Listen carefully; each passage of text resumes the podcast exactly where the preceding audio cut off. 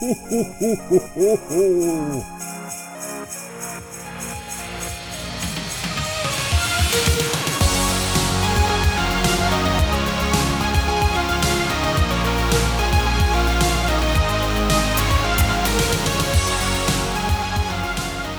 Hej och välkomna till podcasten Här pågår föreningsidrott med mig Johan. Och med mig Marcus, och vi jobbar båda två på SISU Idrottsutbildarna. Och idag så gästas vi för andra gången på kort tid av en förbundskapten för en av Sveriges mest framgångsrika idrott. Den här gången världsidrotten simning och Ulrika Sandmark. Och vi träffar Ulrika i andra frågor än vad som direkt rör simningen egentligen. Det är så att Ulrika är eh, engagerad som projektledare i ett rätt nyinstiftat projekt från SOK som heter Projekt Q, som eh, syftar till att fler kvinnliga ledare ska fortsätta som ledare på högre nivå. Ja, det här gör man för att man vill ha fler medaljer på de olympiska spelen egentligen, och man ser en koppling mellan eh, att kunna ha fler kvinnor. Man säger att det är en eh, outnyttjad resurs helt enkelt när vi då har en sån stor övervikt på manliga ledare inom den elitidrotten i Sverige. Och SOK, Sveriges olympiska kommitté, har sedan en ganska lång tid tillbaka ett program som heter Topp och talang, som syftar till att eh, idrottare ska kunna satsa på sin idrott heltid, just för att kunna nå sin fulla potential. Nu har man utvecklat Topp och Talang till eh, några andra delar där det här projekt Q är en del. Precis, olympisk offensiv kallas det, eh, där man då bland annat har Eh, projekt Q med, där man jobbar för att få fler kvinnliga ledare, men även andra delar där man då vill ha fler unga eh, män, eh, för att man ser att vi behöver fler unga elitkapabla män inom de olympiska grenarna också. Eh, och så vidare. Eh, så att man jobbar på flera olika, men det ska liksom rendera i fler medaljer i OS 2026 i Milano, till att börja med.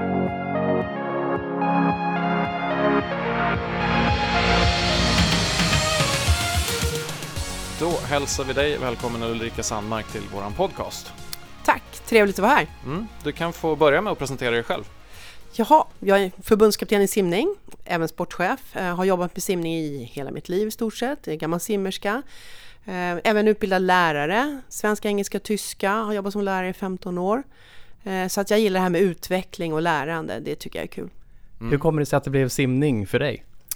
Ja du, det var så här att eh, det var en sommar när jag hade ont i magen och min pappa tog mig till sjukhus för han trodde det var något fel på mig. Det visade sig att jag var understimulerad så då fick jag välja mellan simning och basket. och basket var aldrig aktuellt? Nej, boll är inte min grej. Ah, okay. eh, och vi har bjudit in dig här idag för att du är en del av en eh, satsning från eh, Svenska Olympiska Kommittén som kallas för Olympisk offensiv. Kan du berätta lite om vad det innebär? Ja, eh, det var, den startades nyligen här då för att vi eh, ska visa att vi, vi är på gång då efter, vi, vi förlorade ju det här eh, valet med eh, OS då, att vi skulle få OS till eh, Sverige. Eh, men vi vill hålla allting rullande och eh, olympisk offensiv, det är tre delar i det. Det är en som handlar om pre-camp, att vi ska ha riktigt, riktigt bra pre-camp inför våra stora tävlingar, framförallt OS, för, för man vet att det är väldigt, väldigt viktigt. Eh, det är en del som handlar om killar och att höja deras nivå. Eh, och då pratar man om en ålder ungefär på 17 till 23 år på killarna. Och sen är en del då som jag tillsammans med en som heter Olle Anfeldt på SOK är ansvarig för som eh, kallas Projekt Q. Och där ska vi då undersöka hur det ser ut med kvinnliga elitledare inom svensk idrott och framförallt då olympiska idrotter. Finns det fler anledningar än just att vi inte fick OS till Sverige, utan det hamnar i Milano 2026 istället? Finns det fler anledningar till att varför man startar ett sånt här projekt eller satsning? Nej, det här är ju tre delar som har definierats som att här finns det någonting som vi verkligen kan skruva i. Och det är klart att allting som vi kan skruva i, det vill vi ju verkligen göra bättre. Vad är målsättningarna? Vad tänker ni er? Vad, vad har ni för bild av eh, OS 2026? Ja, nej men det är att alla de här bitarna som vi pratar om ska ha påbörjats eller ska vara på plats såklart. Jag tänker ju framförallt att det här med, med pre-camp och med killarna, det ska ju vara långt gånget då, medan det här med, med, min del i det hela, det kan ju ta lite tid, för jag tror att det handlar lite grann om att ändra strukturer och så vidare, så att eh, det kan ta lite längre tid tror jag. Mm. Och målet är att det ska, man ska få större sportsliga framgångar? Precis, ja men det är ju såklart. Och eh, eftersom på OS-nivå så är det så otroligt, jag menar alla tränar ju nästan maximalt så mycket man någonsin kan. Och då, de här delarna då som finns utanför själva träningen, som man kan skruva i, eh, där har man ju faktiskt väldigt mycket att hämta. Mm, vi har sett någon siffra på att målet är 20 medaljer under vinter-OS 2026. Ja, mm. det är målet.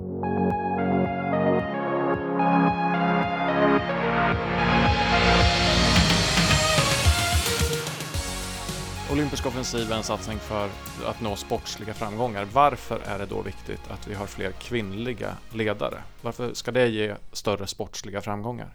Vi ser ju på det som en outnyttjad potential. Eh, och speciellt kan ju jag tycka som kommer från en idrott då med män och kvinnor, lika många män som kvinnor som eh, simmar, eh, att det är väldigt konstigt egentligen att det inte finns kvinnor på, på den högsta nivån som tränar. Jag går omkring nu på SM i Eskilstuna här och tittar mig omkring och jag ser väldigt, väldigt få kvinnor. Det betyder ju att jag har ett problem med att kunna ta ut kvinnor till mina seniorlandslag och, och jag tycker det, det känns märkligt, det gör det. Och eh, det tycker inte jag är så himla bra att det ser ut på det sättet. Det här är ju ingen ny fråga med kvinnliga ledare och det har gjorts en del projekt tidigare att försöka rekrytera in eller hålla kvar kvinnliga ledare inom idrottsrörelsen. Vad ser ni att ni ska göra annorlunda som gör att just det här projektet kommer bära frukt? Ja, eh, vi försöker, vi, jag träffade häromdagen Jenny Svender som har forskat kring det här med jämställdhet. Och hon har skrivit en avhandling om det och det här är en ganska komplex fråga varför inte kvinnor tar steget upp. Eh, man kan ju tro att det handlar om bland annat det här med familj och familjebilden. Det vill säga att man som kvinna då vill stanna eh, hemma med barnen. Eh, men egentligen så borde det ju inte behöva vara så. Okej, okay, det är kvinnorna som ammar, men det är under ett halvår. Så att skulle man kunna ordna någonting runt omkring där, kanske tänka lite annorlunda kring hur man lägger upp team eller coachning, så skulle man ju faktiskt kunna ordna det. Eh, det kan också handla om, eftersom det är en komplex fråga, så kan det handla om när man rekryterar i klubbar till exempel. Hur rekryterar man? Vad är man ute efter? Är det så att man fortfarande tänker lite mer träning och så är det de manliga värdena medan kvinnor då kanske mer tar hand om saker runt omkring i form av, vad vet jag, man har logistik, eh, administration och så vidare. Eh, så att jag tror att man behöver verkligen tänka till på rekrytering, på hur man fångar upp de här kvinnorna som har funnits med på junior och ungdom och kanske får barn men sen försöka få tillbaka dem. Det kan ju räcka med att man lyfter på en lur och säger att du, eh, är det inte dags nu att komma tillbaks? Jag kan även nämna det att när jag började eh, alltså, som förbundskapten så tackade jag nej flera gånger. Men det var först när någon verkligen, som jag hade förtroende för, sa till mig så här, du, det här ska du ta. Och då kände jag så här, ja, men han tror på mig. Eh, och då sa jag ja. Så att vissa kanske behöver lite mer uppmuntran. Eh, man kanske behöver den här frågan. Nu är det dags, ska du inte komma tillbaks? Och strukturer då som man tittar på. Vad var det som gjorde att du tvekade på att ta på, på dig själv som förbundskapten?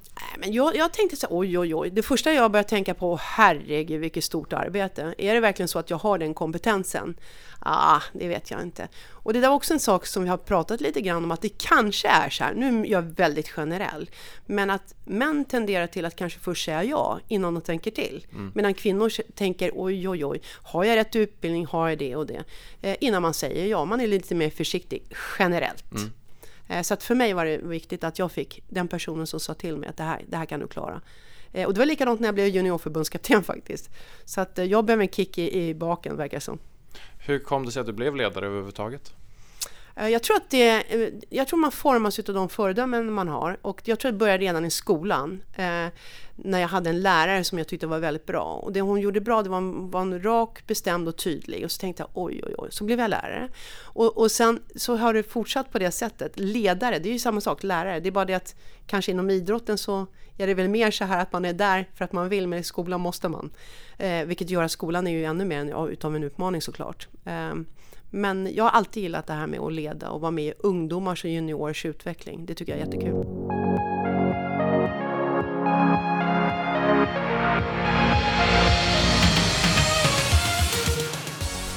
Du nämnde att det är du och Ola Arnfelt eh, på Svenska Olympiska Kommittén som är ansvariga för projekt Q. Eh, hur ser organisationen ut och resurserna kring det? För ni kan väl inte ni två ensamma lösa den här stora, stora komplexa frågan? Utan jobbar ni med SF? Hur, hur ser det ut? I Ja, vi har inte kommit så långt ännu, men, men jag har tagit hjälp av RF bland annat. Då. De som sitter på RF har ju en hel del information som de har hjälpt oss med. Och även de olika eh, vad ska man säga, verksamhetsledarna inom olika idrotter i svensk eh, idrott. Eh, men framöver här så får vi se lite grann hur vi går vidare med, med, utifrån det som vi kommer fram till. För det finns lite olika sätt man kan tänka på, men där är vi inte riktigt ännu då. Men då kan jag tänka mig att vi kanske tar, eh, eh tar hjälp av föredömen. Vi tror att föredömen är väldigt viktiga och det kan ju vara före detta kvinnliga idrottare då som eh, står för bra värderingar och, och mm, har lite ledaregenskaper. Eh, så det kan vara ett sätt vi tar hjälp på då. Eh, det kan också, ett annat sätt skulle kunna vara att vi kanske tar hjälp av olika eh, nätverk. Eh, vi har ett kvinnligt nätverk inom RF som Liselott Olsson driver och det har funnits i många, många år. Jag tror 20 år gammalt eller någonting. Och där, är det, där kan man vara med om man är ledare inom idrott, ganska högt upp inom olika idrotter. Så det, det kan också vara ett nätverk som vi tar hjälp av. Eh, du säger att ni inte är igång med de här delarna riktigt än. Vilket stadie är ni nu och vad gör ni i projektet? Just nu håller vi på och inhämtar fakta. Så att eh, vi har kontaktat alla eh, SF då och även RF med, för att kolla RIGO och NIU. Så att nu är det faktainsamling för att se hur ser det ut i svensk idrott. och sen ifrån det då så ska vi gå vidare. exakt hur är vi inte riktigt klara med ännu då, men det finns massor med olika idéer vi får återkomma kring det då helt enkelt. Ja, precis. Men, men kring, åter till själva problematiken. Eh, vad tror du att det kommer ge svensk idrott om vi en dag har 50% kvinnliga, 50% manliga ledare inom idrotten? En större rikedom i hur man tänker och hur man gör, helt klart, det tror jag. Eh, jag vet inte om det finns något som heter manligt och kvinnligt ledarskap, men, men det är olika typer av ledarskap eventuellt.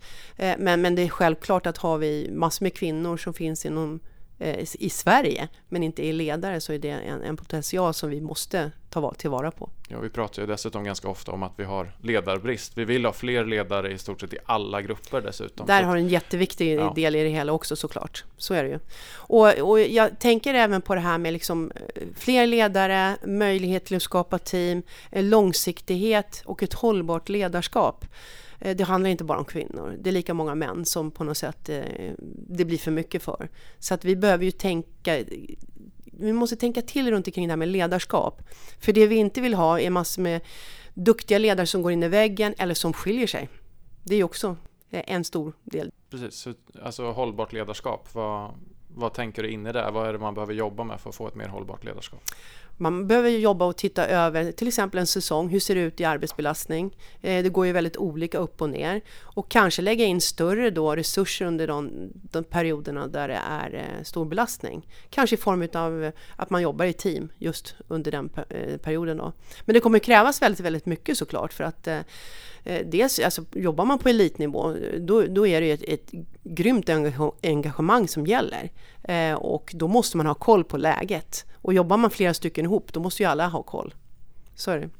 Och jag tänker mig att problematiken någonstans börjar på barn och ungdomsnivå i, ute i klubbarna. Att ska man ha eh, kvinnliga elittränare så måste man någonstans börja på eh, klubbnivå, vara ledare för barn och unga och det är väl där som den stora insatsen behöver ske mm. i rekrytering eller utbildning av och sådär. Och där ser man ju då att det är ju en hel del eh, kvinnor på den nivån men sen att de droppar av. Eh, och det är väl där jag tänker att eh, man på något sätt måste fånga in dem igen.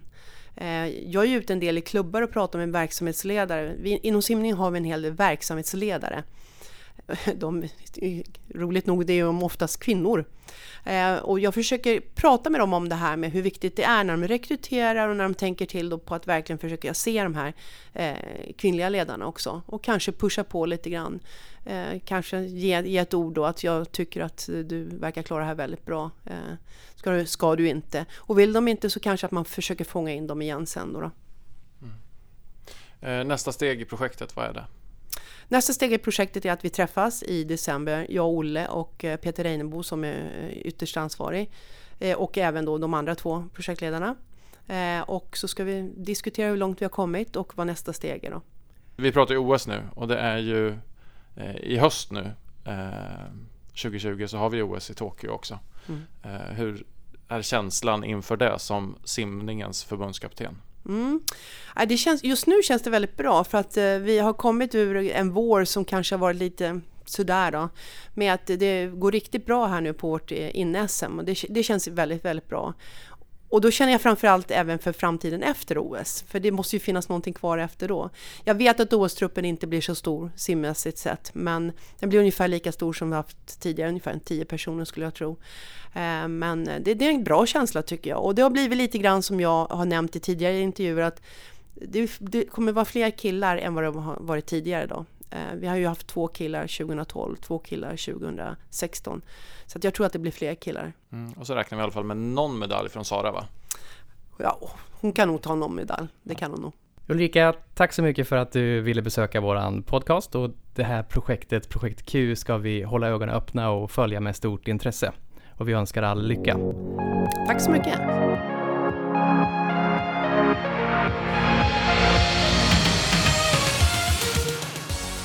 Du har lyssnat på ett avsnitt av podcasten Här pågår föreningsidrott som görs av SISU Idrottsutbildarna. Idag gästades vi utav förbundskaptenen för det svenska simningslandslaget Ulrika Sandmark och pratade om projekt Q, en del av Svenska Olympiska Kommitténs satsning Olympisk offensiv. Om ni vill komma i kontakt med oss i podden så gör ni det enklast via vårt Instagramkonto Här pågår föreningsidrott i ett ord. Ni kan också nå oss via vår mejladress podd rfsisu.se. Vi hörs igen nästa vecka.